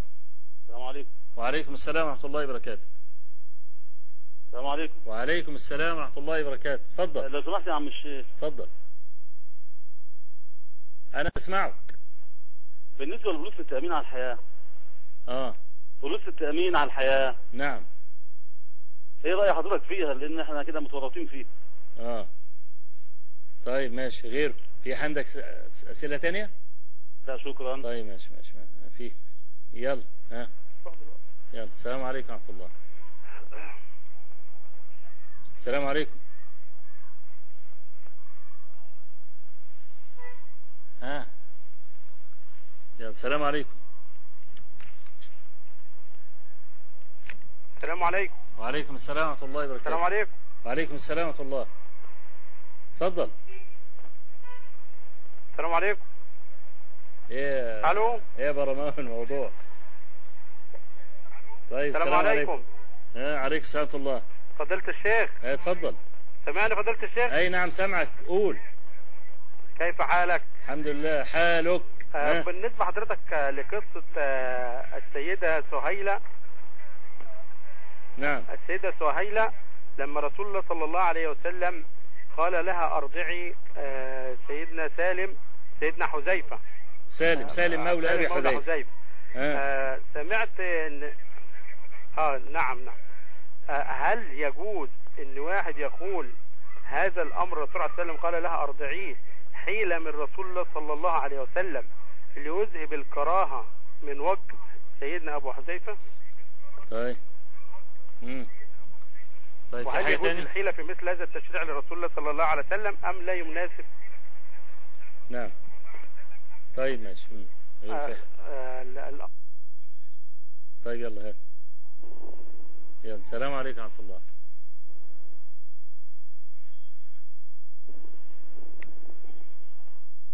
سلام السلام عليكم. السلام عليكم. بت- بتنفخ ليه؟ قول. ألو؟ نعم السلام أي- عليكم. أيوه السلام عليكم. عليكم السلام ورحمة الله. آه لو سمحت يا شيخ كنت عايز أسأل حضرتك على حاجة. ها؟ آه بالنسبة أنا أنا منتقبة وتزوجت آه، زوجي ومن آه، من تقريبا 13 سنة. وكان قايل لي إن هو ملتزم. حضرتك معايا يا شيخ؟ نعم معاك يا. آه آه، فكان هو قايل لي إن هو ملتزم وكان جاي ملتحي. اكتشفت بعد كده إن هو مش ملتزم خالص وإن هو بيبص كتير للنساء ومازال وإن في عيوب كتيرة قوي الصراحه كتيرة جدا. يعني ما بيعملش حاجة بس غير إن هو بيصلي. بس في مشكلة دلوقتي يا شيخ إن هو على طول بيضربني على طول أي حاجة بيضربني وبيمد إيده عليا. وكنت سمعت حضرتك قبل كده إن لما يكون آه، الزوج زوجته تعباه إن هو يتجوز واحدة تانية عشان يعرف يعبد ربنا. طب بالنسبة لي أنا أنا فعلا حاسة أنا مش عارفة أعبد ربنا خالص لأن أنا لأن أنا من كتر المشاكل ومن كتر الضغط عليا حاسة إن كل تفكيري وذهني في المشاكل اللي أنا عايشة فيها. وحذرته قبل كده تعبانة و- والض- والضرب بيتعبني وقربت وكبرت وعلى الضرب وأولادي كبروا وهو برضه مفيش فايدة يا شيخ. برضه بيضربني وبيصر على إن هو يضربني. فأنا دلوقتي يا شيخ عايزه أنفصل منه. اولا عشان أنا تعبت من الضرب. ثانيا عشان أنا عشان أنا آه، لا مش ملتزم ثالثا كمان عشان أنا مش عارفة أعبد ربنا بصراحة. كتر المشاكل مخلياني مفيش راحة بال أعبد ربنا بيها. فأنا عايزه آخد رأي حضرتك كوالد ليا معلش يعني. آه، آخد رأي حضرتك. رأي حضرتك إيه؟ أعمل إيه؟ طيب حاضر. حاضر. نعم. السلام عليكم ورحمة الله. عليكم السلام. نعم. السلام عليكم ورحمة الله وبركاته. وعليكم السلام ورحمة الله. تفضل. فضيلة الشيخ أبو إسحاق. نعم. أهلا بيك. الله يحفظك. أسألك بس آه، لو تقرمت بالنسبة لل آه، للمواشي يعني النصاب. بالنسبة لإيه؟ النصاب بتاع المواشي يعني. آه. يعني النصاب بتاع المواشي اللي يطلع عليه آه، الزكاة يعني. طيب حاضر. وإذا كان يعني أنا يعني بربي نظام تسمين أو علاف يعني مش سائبة يعني. بعد دي لها نصاب ولا زكاة عادية يعني؟ طيب. وبالنسبة الله يكرمك يعني في قطعة أرض أنا اشتريتها على أساس إن أنا إيه آه، كتجارة يعني. آه. وبعدين أعدلت على موضوع التجارة مم. على أساس إن أنا أخليها قبل ما يجي الحول. فهل دي عليها زكاة أو ما عليها زكاة يعني؟ آه. طيب ماشي حاضر. نعم. ألو؟ نعم السلام عليكم. وعليكم السلام. اتفضل. لو سمحت يا شيخ في لما بنيجي نصلي الجنازة في كل جنازة بيتخانقوا على الصلاة بيقولوا إن أولى الناس بيصلي على الجنازة اللي هو أي قريب لل- للمتوفى آه. ورأي تاني بيقولوا لا ده أمام المسجد هو اللي لازم يصلي على الجنازة. آه. فبتحصل مشاكل على طول في الموضوع ده. آه. وتاني موضوع اللي هو أما بنيجي نصلي القيام التهجد في رمضان. آه. بيقولوا ما فيش إلا هم بس الرسول ما زادش إلا عن 8 ركعات. مم. ما زادش عنهم خالص في كل يوم وليلة. مم. فبيقولوا دي بدعة. اللي هو إيه اللي بدعة؟ زيادة يعني؟ آه اللي هي صلاة التهجد بعد قيام الليل. آه. طيب حاضر. خلاص. ماشي شكرا. لا خلاص ما اعتقد ما أعتقدش الوقت هي... هيكفي. طيب ماشي. طيب يلا. نعم. السلام عليكم ورحمة الله. السلام عليكم ورحمة الله وبركاته. وعليكم السلام ورحمة الله آه، تسأل حضرتك والله آه، هل يجوز دفع مال الزكاة لابنة الأخ المتوفي؟ مال الزكاة لابنة الأخ المتوفي أيوة. المتوفى والسؤال الثاني آه، هل يجوز شراء بعض الحاجات العينية آه، من مال الزكاة وتوزيعها على بعض الفقراء؟ آه طيب ماشي حاضر. السؤال الثالث بعد اذن حضرتك كنت سيادتك شرحت قبل كده الفرق بين الجزاء والإجزاء. آه. فأرجو من حضرتك بس لو آه، إعادة سريعة عن الفرق بين الاثنين والله إذا كان في وقت لأن أعتقد الوقت نعم. أزف علينا. وأرجو أن أنا أوفق في الإجابة عن الأسئلة لأنها كتير قوي على الوقت يعني. طيب. آه، طبعا بالنسبة للزوجة اللي بتقول إن إنها بنت بيتا وبعدين زوجها شطب آه، يعني بعض أماكن في هذا البيت وعايز يكتب آه، في مقابل التشطيب اللي هو عمله في البيت عايز يكتب آه، له نصيب من البيت ده. طبعا أنا يعني سألت ال- المرأة يعني الأخت السائلة يعني قلت لها هل في مشاكل يعني بينكم؟ لأن عادة ما فيش حد بيقف في المسألة ديت إلا إذا كان في مشاكل بين الرجل والمرأة. وإلا ما الذي يضير المرأة إن البيت يتكتب باسم باسم الزوج أو باسم الأولاد أو باسم أي حاجة؟ إيه اللي يضير يعني؟ فأنا أنا مستشعر إن في مشاكل. يعني في انعدام ثقة ما بين الرجل وما بين المرأة. لكن إذا كان يعني الرجل يسكن في بيت المرأة وما يدفعش إيجار وهو يلزمه أنه يوفر مسكن للمرأة فشطب شقة أو الكلام ده هو ما أرى أنه هو يأخذ شيئا من المال خالص في مقابل هذا لأن هو لو لم تسكنه المرأة في هذا البيت فهو مطالب بأنه هو يوجد مسكنا للزوجية وبالتالي ده هيكلفه هيكلفه إيجار شهري وقد يكلفه برضه تشطيب المكان اللي هيسكنه فيه. لكن أنا الحقيقة يعني منزعج يعني من القصص اللي تبقى زي كده. منزعج ال- يعني ما ليه ده على خلاف المودة والرحمة يعني النهاردة الرجل من العيب على الرجل إن هو يقول للمرأة اكتبي لي جزء من البيت في مقابل التشطيب. عيب. وده بيذهب بالقوامة يذهب بقوامة الرجل. الرجل العاقل هو الذي ينفق دائما ويكون متفضلا. ما يبصش ابدا لمسألة الإنفاق. ويأسر هو قلب المرأة بطبيعة الحال إذا كان رجلا عاقلا ويفهم المسألة دي. فأنا شايف إن هو الحقيقة يعني ده العملية اتباعت ببلاش. ده ببلاش. لكن أنا بقول إن هو إذا كان الرجل شطب شيء من البيت ليس من حقه أن يطلب في مقابل هذا شيئا من البيت لأن لو هو دفع إيجار للمرأة أعتقد ده سيأتي على أموال التشطيب كلها حتى مع الوقت. نعم. والله أعلم. برضو تسأل عن زيارة؟ النساء للقبور. الصحيح الذي عليه جمهور أهل العلم هو جواز أن تزور المرأة المقابر. وهناك أدلة كثيرة على مثل هذا. منها حتى الحديث يعني كنت نهيتكم عن زيارة القبور فزوروها فإنها تذكر بالآخرة. فهذا الخطاب موجه لعموم المؤمنين رجالا ونساء. وليس هناك ما يستثني هذا. وسنجيب عن حديث لعن الله زوارات القبور. الحاجة الثانية حديث أنس وهو في الصحيحين أن آه، النبي عليه الصلاة والسلام رأى امرأة تبكي عند قبر جديد فقال لها يا أمة الله اتق الله واصبري. قالت إليك عني فإنك لم تصب بمصيبتي. ثم علمت أنه رسول الله صلى الله عليه وسلم. فذهبت إليه فلم تجد على آه، على بابه حاجبا ولا بوابا فكأنها اعتذرت المرأة إليه وأخبرته أنها لم تعلم أنه رسول الله فقال لها إنما الصبر عند الصدمة الأولى ولم يقل لها لا يجوز لك ولا يحل لك أن تذهبي إلى القبور. ومن الأدلة أيضا حديث عائشة رضي الله عنها في صحيح مسلم لما قالت ألا أحدثكم عني وعن رسول الله صلى الله عليه وسلم إنه لما كان في ليلتي التي هي لي جاء ففتح الباب رويدا رويدا ومشى رويدا رويدا ووضع جنبه على الفراش فما هو إلا أن وضع جنبه على الفراش حتى قام فأخذ نعله رويدا رويدا ومشى رويدا رويدا وفتح الباب رويدا رويدا وانطلق. قالت فتقنعت إزاري وانطلقت خلفه. فكانت عائشة رضي الله عنها تظن أنه صلى الله عليه وسلم ذاهب إلى بعض نسائه. وصل النبي عليه الصلاة والسلام إلى البقيع ورفع يديه ثلاثا يرفعها ويخفضها. قالت ثم انحرف أي راجعا فانحرفت. فأسرع فأسرعت. فهرول يعني أسرع أكثر يعني فهرولت فأحضر مشي على هينته فأحضرت وسبقته فطبعا أول ما دخل عائشة رضي الله عنها الحجرة نزلت على طول تحت داخل تحت اللحاف ولكن كانت بتجري فطبعا بتنهج.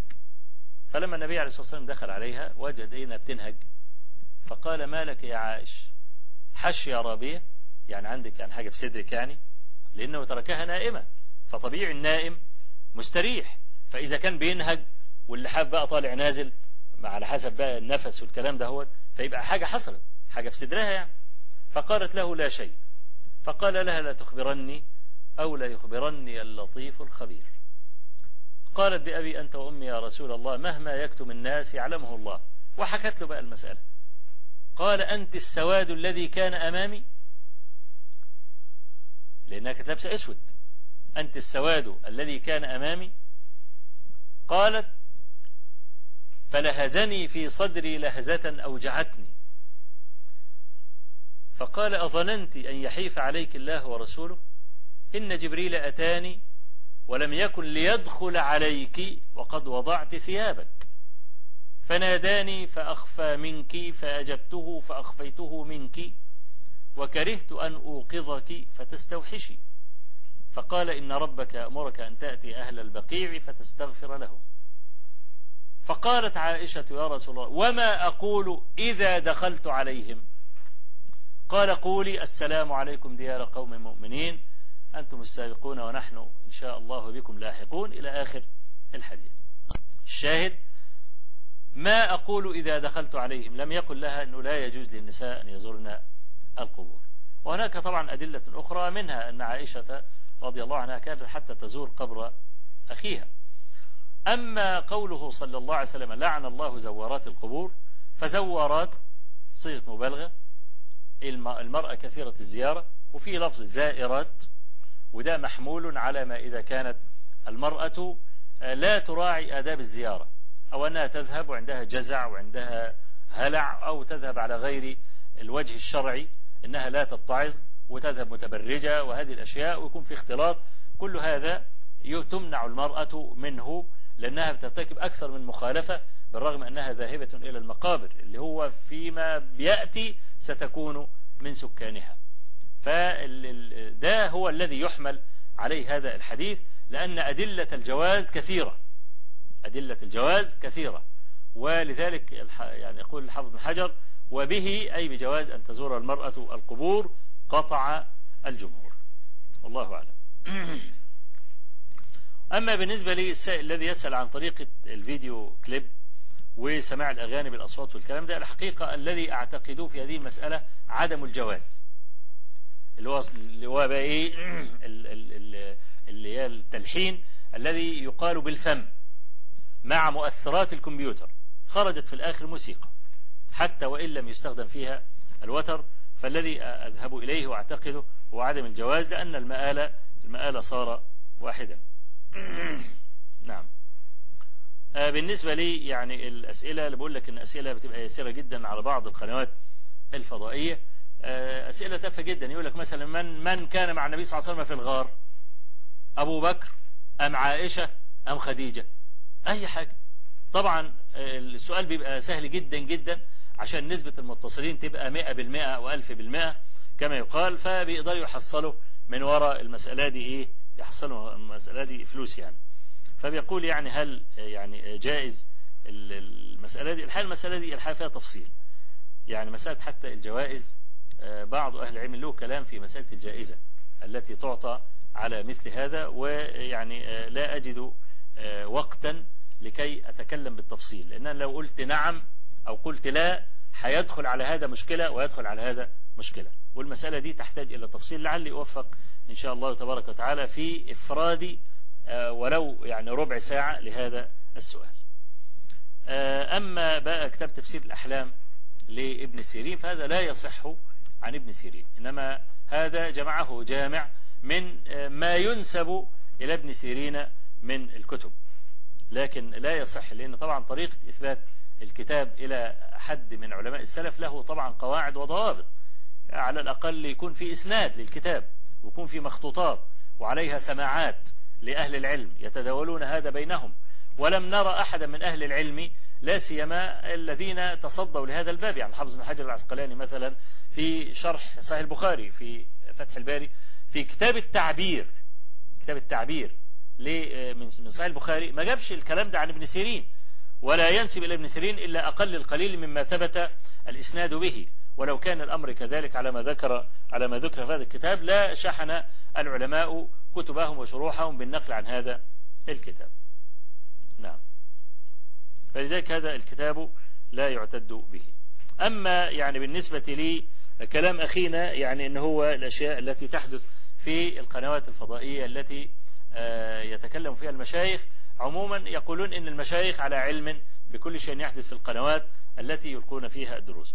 أنا بقول يا إخواننا لا المشايخ ليس عندهم تلفزيونات وبالتالي لا يعرفون شيئا في يحدث في القنوات إلا عن طريق الجماهير اللي بيتصلوا عشان يستفتوا عن حاجة حصلت في قناة من القنوات أو يعني ياخد الرأي أو يسأل.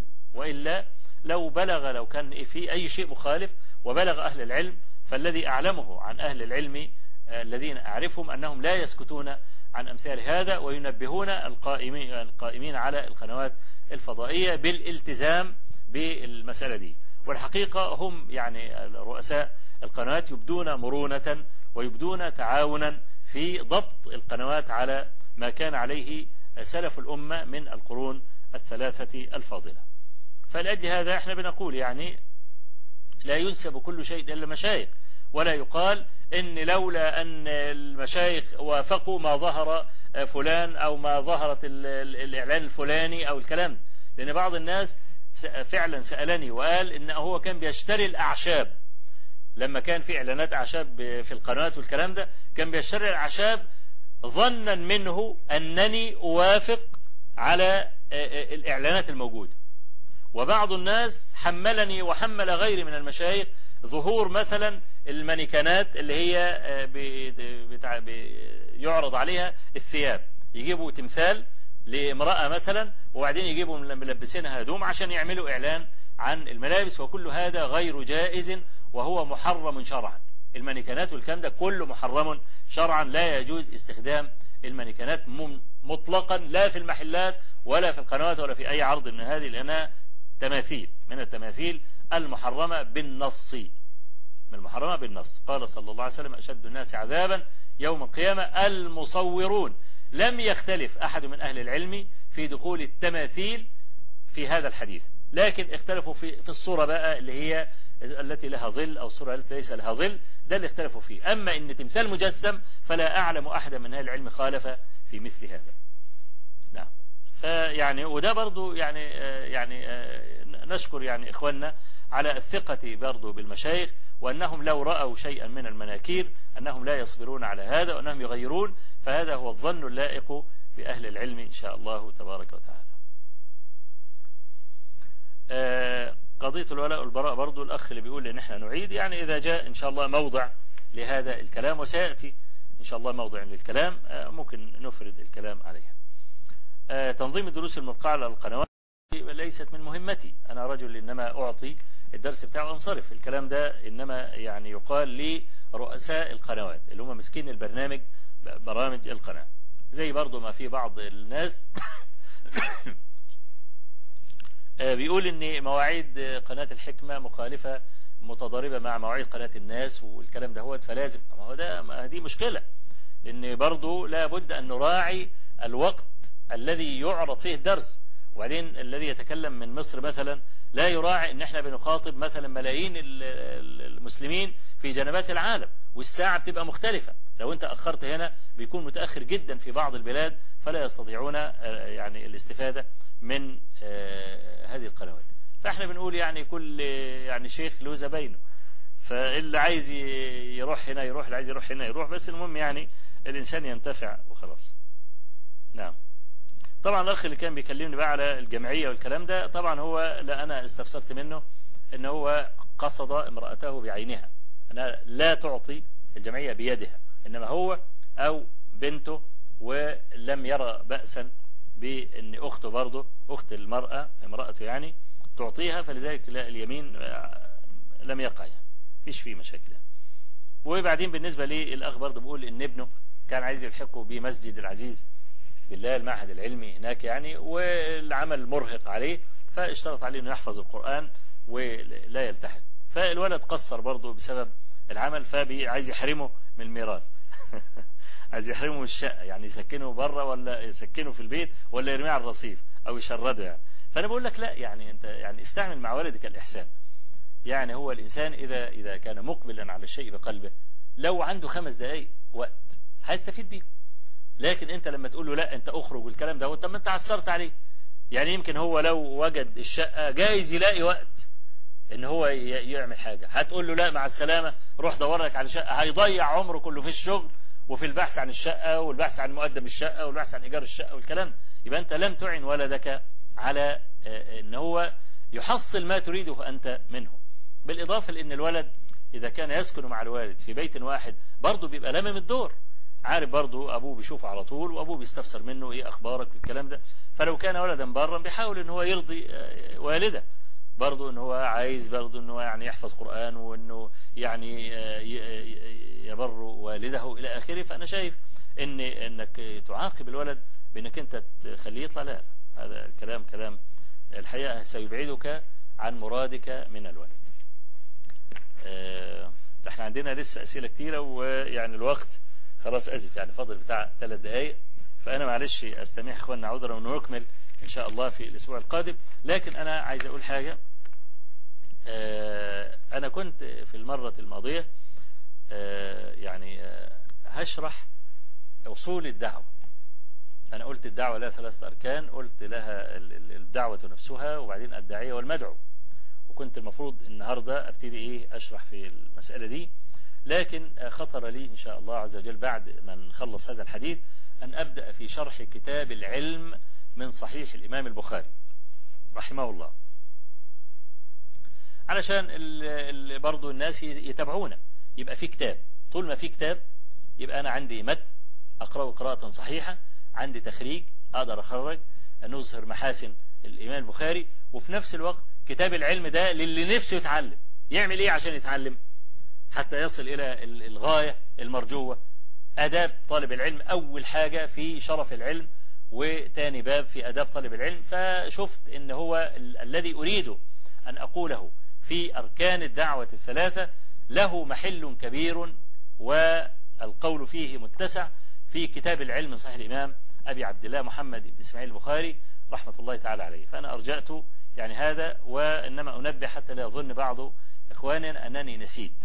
أو أنني تنكبت الكلام في هذا الموضوع. والله تبارك وتعالى أسأل أن يجعل ما قلناه وما سمعناه زادا إلى حسن المصير إليه وعتادا إلى يمن القدوم عليه. إنه بكل جميل كفيل وهو حسبنا ونعم الوكيل. وصلى الله وسلم وبارك على نبينا محمد والحمد لله رب العالمين.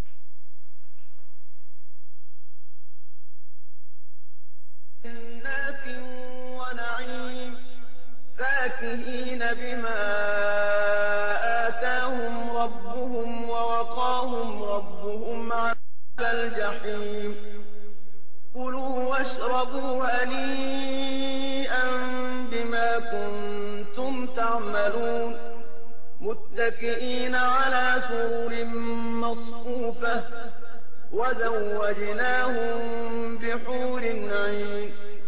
والذين آمنوا واتبعتهم ذريتهم بإيمان ألحقنا بهم ذريتهم وما ألتناهم من عملهم